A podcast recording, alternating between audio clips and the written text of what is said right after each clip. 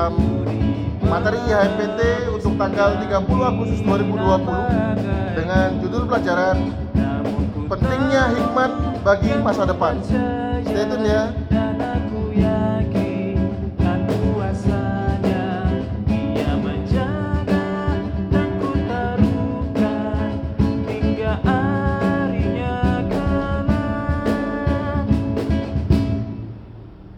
Terima kasih Kak Patrick dan Kak Abner. Oke, teman-teman, hari ini kita akan belajar dan menyampaikan materi IHPT dengan judul pelajaran Pentingnya Hikmat bagi Masa Depan. Dan yang akan kita baca dari Alkitab, kita ambil dari Amsal pasal yang ketiga. Amsal pasal ketiga ayat 13 sampai ayat yang ke-20. Dan sebelum kita baca, mari kita satu dalam doa. Tuhan Yesus, Tuhan yang besar, Tuhan berkasa, kami mengucap syukur Tuhan, kami berterima kasih Tuhan untuk istirahat semalam yang Tuhan berikan kepada kami hingga kami boleh tidur dengan nyenyak Tuhan dan bangun pagi ini dengan tubuh yang sehat untuk melakukan aktivitas kami sehari-hari Bapak. Bapak, tiba pada saatnya Tuhan, hari ini kami akan belajar materi baru di HMBD ini Tuhan. Kiranya Tuhan pimpin kami Tuhan melalui proses daring ini Bapak supaya kami boleh belajar dengan baik. Kami boleh melaksanakan tugas dan tanggung jawab kami sebagai seorang turunan dengan baik pula Tuhan. Terima kasih Bapak. Pimpin sertai kami dalam mendengarkan materi ini. Amin. Oke. Amsal pasal 3 ayat 13 sampai 20 nanti kakak-kakak akan bacakan secara bergantian. Teman-teman silakan menyimak. Berbahagialah orang yang mendapat hikmat, orang yang memperoleh kepandaian. karena keuntungannya melebihi keuntungan perak dan hasilnya melebihi emas. Ia lebih berharga dari permata Apa pun yang kau inginkan tidak dapat menyamainya Umur panjang ada di tangan kanannya, di tangan kirinya kekayaan dan kehormatan. Jalannya adalah jalan penuh bahagia, segala jalannya sejahtera semata-mata. Ia menjadi pohon kehidupan bagi orang yang memegangnya. Siapa yang berpegang padanya akan disebut berbahagia. Dengan hikmat Tuhan telah meletakkan dasar bumi. Dengan pengertian ditetapkannya langit. Dengan pengetahuannya air samudera raya berpencaran dan awan menitikkan embun. Demikian jauh bacaan kita pada hari ini. Terpujilah Kristus. Haleluya. Haleluya,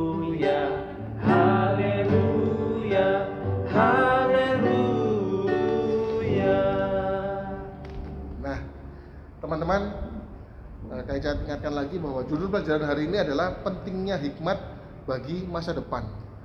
Artinya hari ini kita akan spesifik untuk membahas tentang hikmat. Hikmat. Oke. Sebelum kita lanjut, apa sih artinya hikmat ini? Lalu kenapa hikmat itu penting bagi masa depan? Mungkin Kak Patrick bisa kasih latar belakang tentang penulisan hikmat ini bagaimana, Kak? Ya, kalau kata hikmat berdasarkan kitab, oh sorry maksudnya berdasarkan KBBI Kamus Besar Bahasa Indonesia, artinya adalah kebijakan dan bisa juga disebut sebagai kearifan. Nah, kalau kita lihat pembacaan kita hari ini, kan ini kan berbicara tentang kitab Amsal, yang di mana kitab Amsal itu adalah satu kitab yang termasuk dalam kumpulan sastra Hokma nah, dalam Perjanjian Lama. Jadi Amsal adalah kumpulan sastra yang mewakili hikmat tradisional. Jadi isi Amsal itu kita bisa lihat ya, seperti yang kita tahu, isinya banyak sekali pengajaran tentang hikmat, pengajaran hidup di sana. Dan jika kita melihat dan kita melihat kitab ini, ini adalah berisi hikmat-hikmat tradisional yang di mana hikmat itu sendiri dikenal secara luas di dunia Timur Tengah kuno. Artinya tidak hanya Israel yang mempunyai sastra hikmat. Tapi ini juga dikenal di luar Israel pula seperti bangsa Babel, bangsa Asyur, bahkan di dunia Mesir kuno. Namun konsep pemahaman hikmat di Israel dengan bangsa yang non Israel jelas memiliki perbedaan.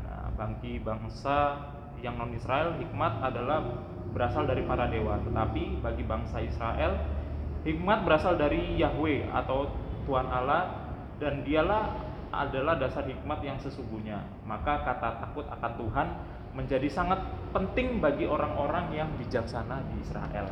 Nah, kita bisa lihat dari ayatnya yang ke-12 itu menjelaskan tentang alasan mengapa kita jangan menolak didikan dan jangan bosan kepada peringatan Tuhan. Nah, itu bisa kita baca terus ya. Jadi kebahagiaan atau penuh berkat akan menjadi milik seseorang apabila ia sudah menemukan hikmat atau dia sendiri sudah berhikmat. Nah, namun eh, berkat ketika kita sudah memiliki berkat itu karena kita sudah penuh dengan hikmat Tuhan ingin agar kita diberkati dan menjadi berkat bagi orang lain seperti itu kak Hikmat lalu berdampak juga artinya kak ya. iya Kalau kita bicara tentang hikmat dan diberkati lalu menjadi berkat untuk orang lain, Kamner masih ingat nggak kata hikmat ini identik dengan tokoh siapa kan?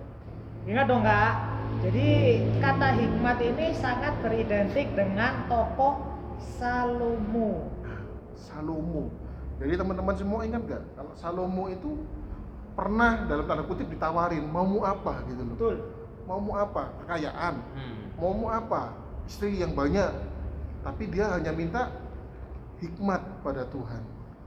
Sehingga hal-hal yang lain yang dia tidak minta ditambahkan kepada Padanya. Salomo. Nah, tadi kan kita sudah bicara tentang hikmat menurut KBBI yang Kak Peter jelaskan tadi. Menurut Kak Abner, Kak Abner sendiri nih punya pandangan. Hikmat itu apa sih Kak? Kalau menurut Kak Abner sendiri, hikmat itu bisa dikatakan sebagai kekuatan kayak Kekuatan. bisa dikatakan sebagai kekuatan. Jadi hikmat dari Tuhan bisa dikatakan adalah kekuatan yang diberikan Tuhan kepada kita. Itu. Jadi sesuai dengan pelak pembelajaran kita pada ini, pentingnya hikmat bagi masa depan itu bisa dikatakan dengan pentingnya kekuatan kita yang kita butuhkan untuk masa depan. Dalam hal mungkin kekuatan kita bisa berguna bagi masa depan, mungkin dalam teknologi, pembentukan teknologi dalam bidang sains atau dalam bidang olahraga atau dalam bidang teologi yang bisa kita Dalam berbagai aktif- bidang berbagai bidang. Jadi hikmat itu diperoleh berdasarkan didikan dan peringatan Tuhan melalui firman yang menuntun kita kepada kebenaran kak. Oh. Jadi nggak semata-mata kita dapat hikmat, kita nggak ngapa-ngapa terus kita dapat hikmat, jadi bukan seperti itu kak. Hikmat dan pengetahuan itu berbeda nggak Kak? Ya, hikmat itu asalnya daripada Tuhan, yang di mana kita bisa memperolehnya dengan cara meminta seperti apa yang dilakukan oleh Salomo. Nah, sedangkan pengetahuan adalah sesuatu hal yang bisa kita pelajari. Seperti itu, Kak. Jadi sama artinya dengan hikmat ini bagaimana cara kita tahu eh, menggunakan pengetahuan tersebut Kak ya? Hmm. Kita berpengetahuan, tapi belum tentu banyak orang bisa menggunakan pengetahuannya dengan baik. Betul. Hanya orang yang punya hikmat yang menggunakan pengetahuannya dengan baik. Dengan Lalu benar. dengan benar juga. Pandai memanfaatkan yang kita miliki itu juga berhikmat. Atau mu- mungkin contoh gampangnya gini buat teman-teman ya. Ada orang disabilitas misalnya, maaf ya, ada orang disabilitas. Dia tidak punya rasa percaya diri. Tetapi ketika dia berhikmat, dia bisa menggunakan keterbatasannya itu jadi berkat untuk orang lain dia bisa menggunakan keterbatasannya itu bisa menunjang apa pun yang dia lakukan. Jadi tidak hanya berhenti pada aku tidak bisa ngapa-ngapain. Betul. Itu bisa jadi gini kayak kayak jadi motivasi bagi orang lain kayak. Ya, Jadi ketika orang lain itu merasa down, teman-teman maaf, teman-teman kita disabilitas ini punya power untuk menjadi motivasi bagi orang yang down tersebut. Dengan apa? Dengan keterbatasannya dia. Jadi dia melihat keterbatasannya dia dengan hal yang positif. Gitu kan. Jadi dia bisa menerima dirinya sendiri dan tidak menyalahkan Tuhan atas kekurangannya dia. Justru dia berhikmat atas yang Tuhan berikan, bersyukur, maka dari itu bisa dia bisa menyalurkan energi positif yang dia punya kepada orang lain. Fokusnya bukan lagi pada apa yang kurang, tapi apa yang bisa aku berikan Berikan lebih dari apa yang aku punya. Betul. Ya. Itu orang berhikmat kak. Hmm. Kalau orang cuma berpengetahuan aja dia akan memikirkan untung rugi. Ya. Nah, tapi kalau orang berhikmat biasanya dia akan lebih memikirkan apa dampakku buat orang lain. Betul. Apa value yang aku punya? Value yang aku punya untuk, Untuk orang, lain, apa. betul. Gitu. Lalu eh, hikmat juga mengajarkan bahwa kita harus tahu tombol mana yang harus kita sentuh, pintu mana yang harus kita masuki, atau orang-orang siapa yang harus kita temui. Ya. Jadi nggak sembarangan artinya kayak begitu kayak. Makanya dari itu eh, firman Tuhan mengatakan bahwa hikmat itu jauh lebih berharga dari emas dan permata. Iya, Orang punya hikmat jauh lebih kaya daripada orang yang punya emas dan permata tadi. Bahkan itu sudah ditulis di Alkitab teman-teman ya. Hmm. Lalu menurut Kak Petri kira-kira teruna-teruna ini berhikmat gak adik-adik kita ini kak? Tanya ke ketuanya aja ya. Iya. Ya kalau sejauh ini sih eh, untuk eh, melihat apakah adik-adik teruna ini berimat atau tidak, sejauh ini yang kakak pantau sih mereka udah oke lah, udah maksudnya bi- dibilang berhikmat sudah mulai belajar bagaimana cara untuk eh, menggunakan hikmat itu atau ya seperti itulah kak. Jadi mereka lebih kalau yang kakak lihat sih lebih eh, bertindak hati-hati sih sebelum melakukan sesuatu. Itu kan salah satu hal yang Nah, di mana eh, bisa kita bilang berhikmat kak ya memikir dua kali sebelum bertindak gitu. Tapi percaya nggak sebenarnya orang yang berhikmat itu kak bisa dilihat. Maksudnya orang berhikmat itu ada ciri-cirinya kak. Orang Hmm. berhikmat ciri-cirinya apa? Seperti yang kita tadi baca. Orang berhikmat pasti takut akan Tuhan. akan Tuhan. Hmm. Boleh dibacakan di Amsal 9 ayat yang ke-10. Amsal pasal yang ke-9 ayat yang ke-10 Kak. Bisa dibacakan? Oke. Kak, Amsal 9 ayat yang 10 dikatakan bahwa permulaan hikmat adalah takut akan Tuhan dan mengenal yang maha kudus adalah pengertian. Tak, permulaan hikmat adalah Takut, takut akan, akan Tuhan. Tuhan. Kak Petri boleh buka di Mazmur 111 ayat yang ke-10. Mazmur 111 ayat yang ke-10. Sedangkan Kak Abner boleh buka lagi Amsal 1 ayat yang ke-7. Mazmur 111 ayat 10. 10. Silakan dibacakan. Permulaan hikmat adalah takut akan Tuhan. Semua orang yang melakukannya berakal budi yang baik. Puji-pujian kepadanya tetap untuk selama-lamanya. Permulaan hikmat Adalah takut akan takut Tuhan. akan Tuhan. Sudah dua hikmat takut akan Tuhan. Amsal 1 ayat 7. Amsal 1 ayat 7 seperti yang kita tahu ya, ayat ini sangat sering dibicarakan. Iya. Ayat ini berisi adalah takut akan Tuhan adalah permulaan pengetahuan, tetapi orang bodoh menghina hikmat dan didikan. Makanya seperti yang Kak bilang tadi, pengetahuan dan hikmat itu berjalan bersamaan. Betul. Semuanya berawal dari takut akan Tuhan. Tuhan. Orang berpengetahuan pun juga harus takut akan Tuhan kayak. Itu ciri pertama takut akan Tuhan bisa dilihat.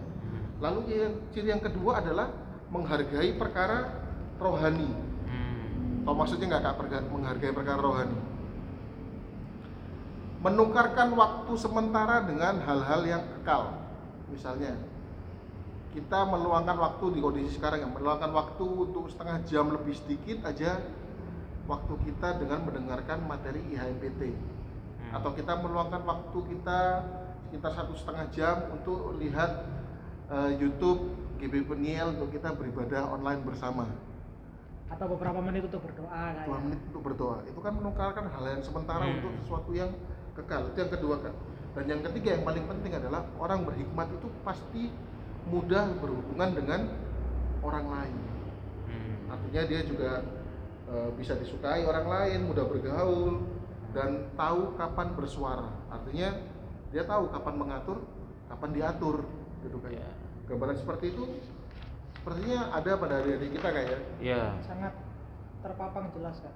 Nah sekarang Kak Icet mau tanya sama Kak Petri gini Sesuai dengan judul pelajaran kita pentingnya hikmat bagi masa depan Masa depan seperti apa Kak?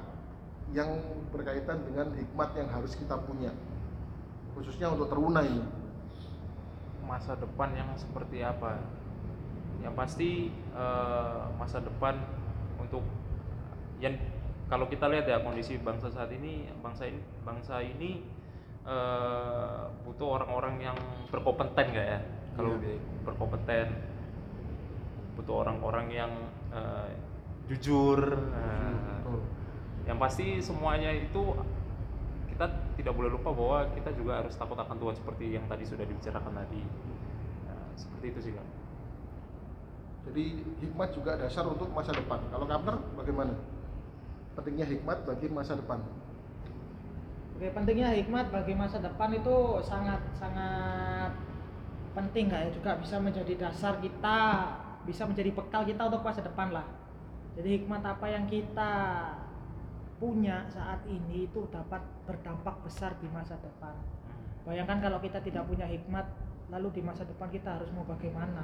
Kita harus mau jadi apa? Kita harus ngapain? Kita nggak tahu. Padahal hikmat itu adalah takut akan Tuhan. Jika sekarang kita tidak akan takut akan Tuhan, lalu masa depan kita akan jadi seperti apa gitu loh kan? Jadi seperti yang Kapner bilang tadi ya, diperoleh dengan cara didikan dan peringatan Tuhan melalui firman-Nya. Firmannya, Orang tua marah pun itu termasuk dalam didikan. didikan.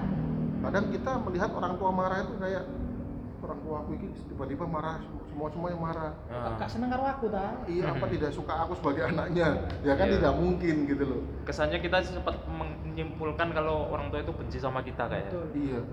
Jangankan orang tua kita, bangsa Israel itu bahkan sering dihukum sama Tuhan karena mereka bersalah. Gitu loh. Artinya kalau kita mau berhikmat ya kita harus tahu kenapa sih orang tua kita marah sama kita. ya Introspeksi diri kita apa kita salah sama orang tua apa enggak gitu. Hmm. Kita harus menganggap itu sebagai sebuah didikan nggak ya? Hmm. Didikan yang diberikan orang tua kepada kita agar kita menjadi lebih baik lagi ke depannya.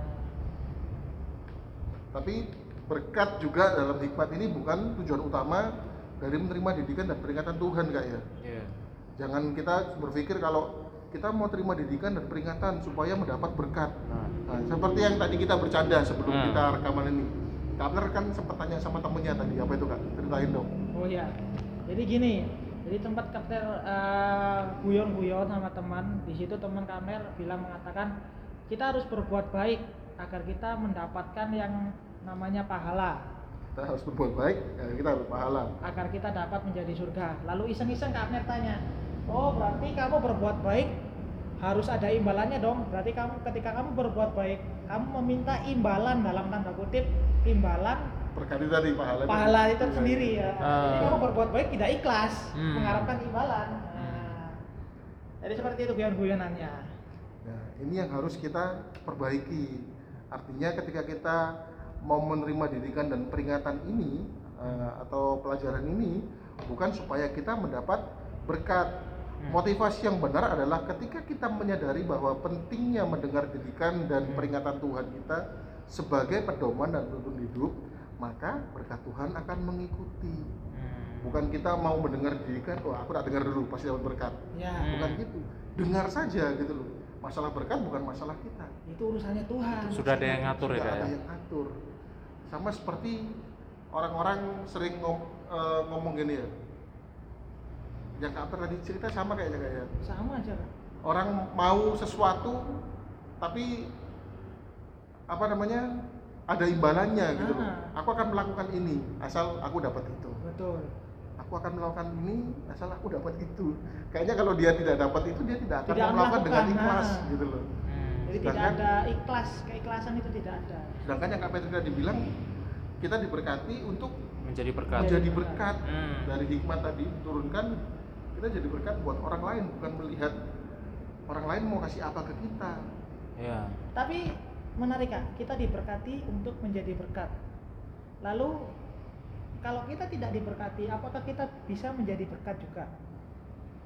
Bisa diberkati ya kita belajar tentang berkat lagi nih Kak. Patokan berkat seperti apa dalam gambaran tiap-tiap orang. ya Berkat nafas kehidupan kan termasuk berkat. Hmm. Berkat kesehatan itu termasuk berkat. Hmm. Lalu ketika kita diberi nafas kehidupan dan kesehatan, apa kita tidak bisa membantu orang lain? Kan kita jadi berkat juga buat orang lain. Hmm. Jadi seperti itu ya teman-teman. Mungkin teman-teman yang punya pertanyaan seperti itu atau yang merasa hidupnya, ah aku tidak diberkati Tuhan, hidupku susah gini-gini aja. Gimana aku mau bantu orang lain kalau hidup aku sendiri sudah susah?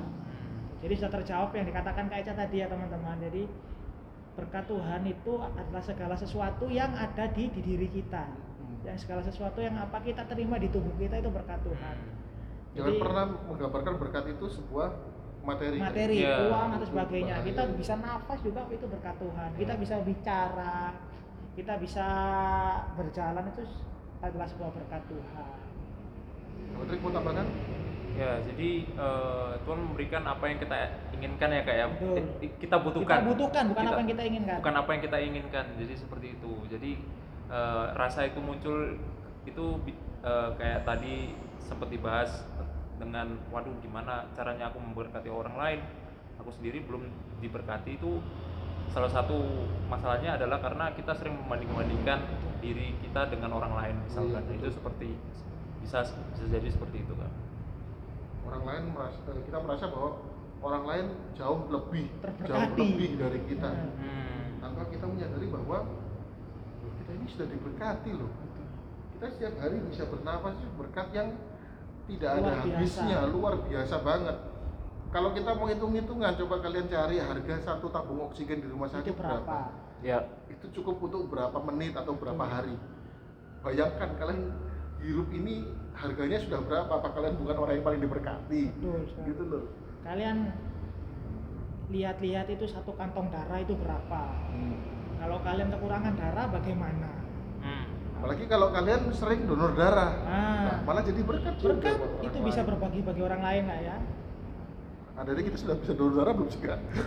Umur 17 mungkin ya, 17. Iya, 17. Untuk teman-teman yang umur kelas dulu 17, ya, dia bisa nih monggo bisa dicoba donor darah di Surabaya di Jalan Demung Sau kak ya. iya betul betul Ya, yang pastinya eh, kita harus tetap mengucap syukur sebagai eh, orang yang sudah diberkati. Kita harus eh, mengucap syukur juga kalau kita sudah memiliki hikmat itu. Kita harus membagikannya kepada orang lain pula sehingga setiap orang mengenal siapa itu Kristus. Setiap orang mengenal bahwa oh iya, ternyata orang Kristen itu seperti ini. Ternyata eh, pengikut Kristus itu luar biasa seperti itu kan ternyata pengikut Kristus itu punya hikmat yang luar biasa Hmm. mengetahui mana yang harus dilakukan dengan baik Betul. tidak asal tetapi dengan tujuan yang baik dengan dampak yang baik jadi buat teman-teman juga kita sama-sama belajar mulai sekarang ketika kita berdoa kita mohon sama Tuhan mungkin kita sering ketika ujian ulangan kita berdoa Tuhan tolong supaya saya bisa mengerjakan ulangan ini tolong supaya saya ingat tolong supaya saya apa namanya dapat nilai bagus tapi kita lupa bahwa kita tidak pernah minta bahwa Tuhan beri saya hikmat dalam belajar Betul. supaya pelajaran ini bisa saya pelajari dengan baik Betul. Gitu.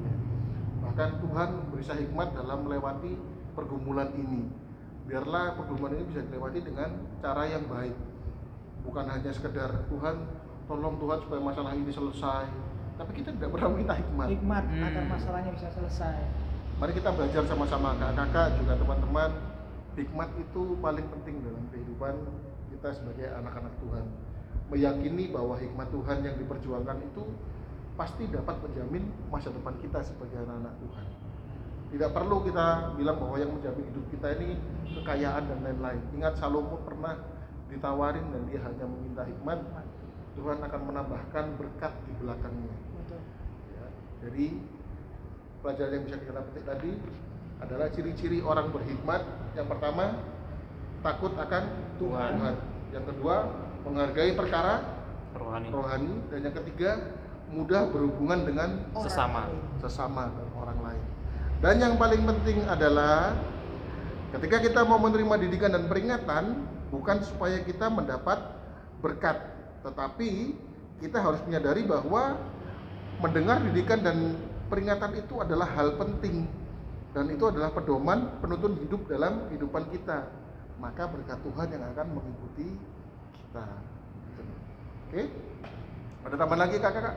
Ada tambahan sedikit Kak Yam. Boleh? Mengutip dari yang Kak Patrick bilang tadi, Tuhan selalu memberikan apa yang kita butuhkan, Bukan tapi yang kita bukan inginkan. yang kita inginkan. Sekarang dibalik, bagaimana kalau kalian mendapatkan yang kalian inginkan, tapi tidak kalian butuhkan? Kalian bisa lihat di salah satu lirik lagunya Coldplay yang judulnya Fix You. Di situ lirik itu mengatakan when you got when you get what you want but don't you need but not what you need. Jadi di situ ke- ketika kamu mendapatkan sesuatu yang kamu mau tapi tidak kamu butuhkan, di lirik selanjutnya mengatakan lah stuck in reverse. Artinya Stuck in reverse jadi terjebak dari reverse maju mundur. Jadi nggak ngapa-ngapain gitu kak. Jadi bulat ngono ae. karena itu yang kita inginkan, yang Nah, kita butuhkan. jadi ya sudah kita dapat tapi kita nggak nggak tahu harus berbuat apa karena kita tidak butuh gitu jadi satu pesan kapner sih tetap minta hikmat dari Tuhan lakukan yang terbaik dan Tuhan akan memberikan kalian yang terbaik yang kalian butuhkan dan bukan yang kalian inginkan Patrick? Ya, jadilah garam dan terang dunia. Kita harus diberkati untuk memberkati orang lain. Kita harus menjadi inspirasi bagi sesama manusia. Dan karena itu merupakan perintah Tuhan yang harus kita lakukan dalam kehidupan kita sehari-hari. Supaya nama Tuhan tetap dimuliakan. Amin. Amin. Kita akan akhiri materi hari ini. Kita akan nyanyi satu lagu dari mana kak? dari Ya. Ya.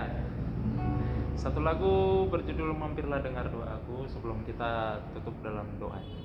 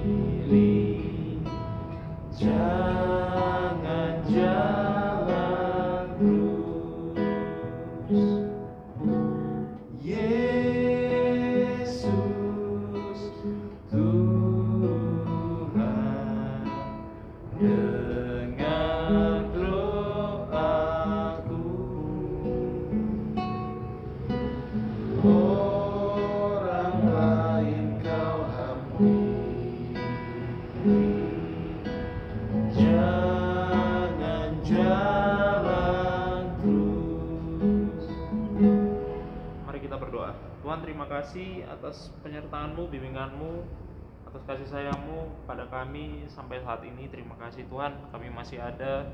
Itu semua karena Engkau ya Tuhan. Ya Bapak terima kasih atas semuanya. Dan di pagi hari ini kami telah mendengarkan bahwa takut akan Tuhan adalah awal pengetahuan Tuhan.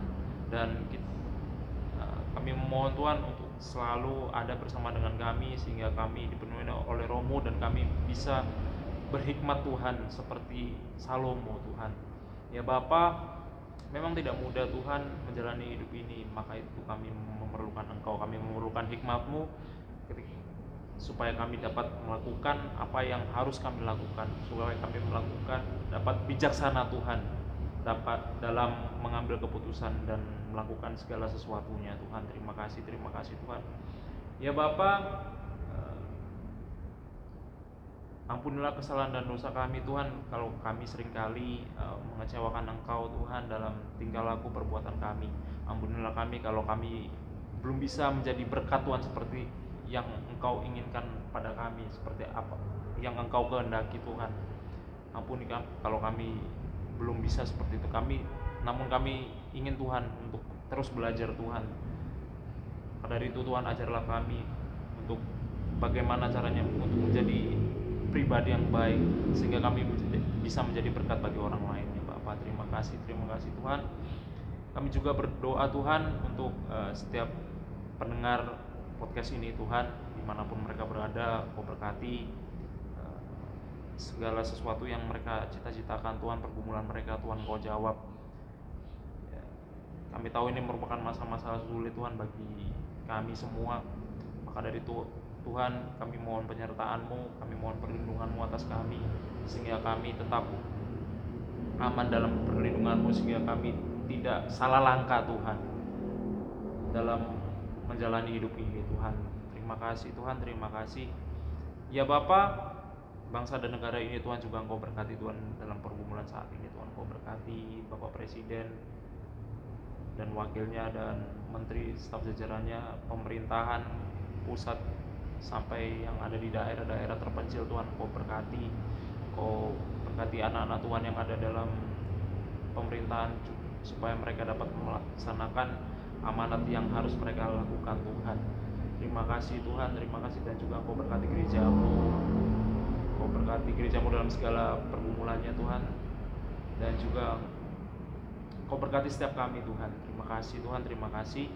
Dan inilah doa kami, inilah sembahyang kami yang kami alaskan hanya di dalam nama Tuhan Yesus yang telah mengajarkan kami berdoa. Bapa kami dalam surga, dikuduskanlah namamu, datanglah kerajaanmu, jadilah kehendakmu di bumi seperti di surga. Berikanlah kami pada hari ini makanan kami secukupnya, dan ampunilah kami atas segala kesalahan kami, seperti kami juga mengampuni orang yang bersalah kepada kami. Dan janganlah bawa kami ke dalam pencobaan, tapi lepaskanlah kami daripada yang jahat.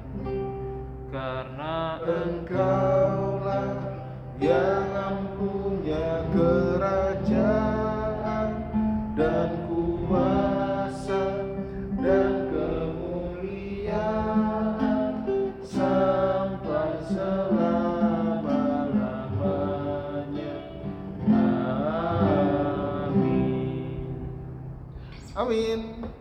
Oke, materi hari ini sudah selesai teman-teman dan sebelum kita mengakhiri eh, podcast ini, kita akan mendengarkan warta Pelkat PT yang akan disampaikan oleh Kak Abner.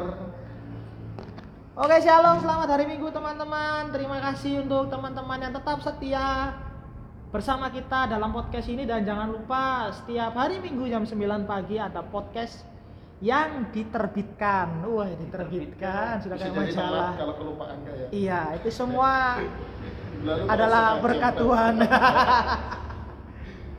Oke, kami harap teman-teman selalu sehat, selalu semangat, selalu taat akan protokol kesehatan, jaga diri, jaga lingkungan dan jaga sekitarnya.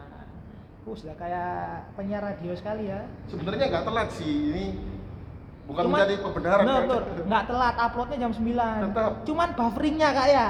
Enggak, Uploadnya lah. Oh, enggak, saya kira. Kalau di. Spotify itu sudah jam 9 jam setengah 9 sudah otomatis masuk. Telatnya biasanya dari adminnya itu untuk menyampaikan di Instagram. Oh, betul betul betul. Jadi bukan ikut anu ya GMT plus 8 plus 9 Enggak. ya? Oh, enggak. Meskipun belum disampaikan di Instagram, kalau Tapi langsung cek aja. Spotify pasti sudah ada. Langsung cek aja di Spotify. Nama Spotify kita apa, Kak? Pelkat PT GBB Benian Surabaya. Eh Spotify ya pakai pet. Nggak pakai dong. Pelkat PT GBB Benian Surabaya. Oke, untuk teman-teman yang mau daring ya semangat daringnya mungkin sudah ada beberapa yang masuk sekolah ya Ntar lagi dapat kuota gratis dari uji coba masuk sekolah kan sudah ada kak Iya. Nah, jangan lupa untuk kuota-kuota gratis manfaatkan dengan baik ya Kita buat game aja. jangan buat nonton Boruto terus nonton anime terus lalu kak Patrick ada tambahan eh, nggak ada sih, itu aja. nggak ada itu kak Ica ada tambahan Stay tune terus di Instagramnya PT. Siapa tahu besok apa ini kak? Ada iklannya nih. Siapa tahu besok-besok kalian dapat pulsa lagi nih. Ya.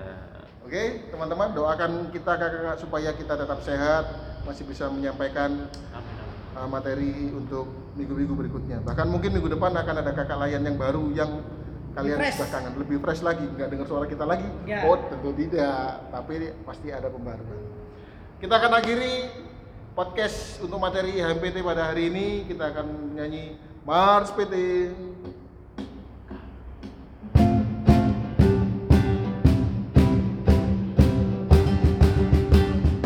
bersemangat.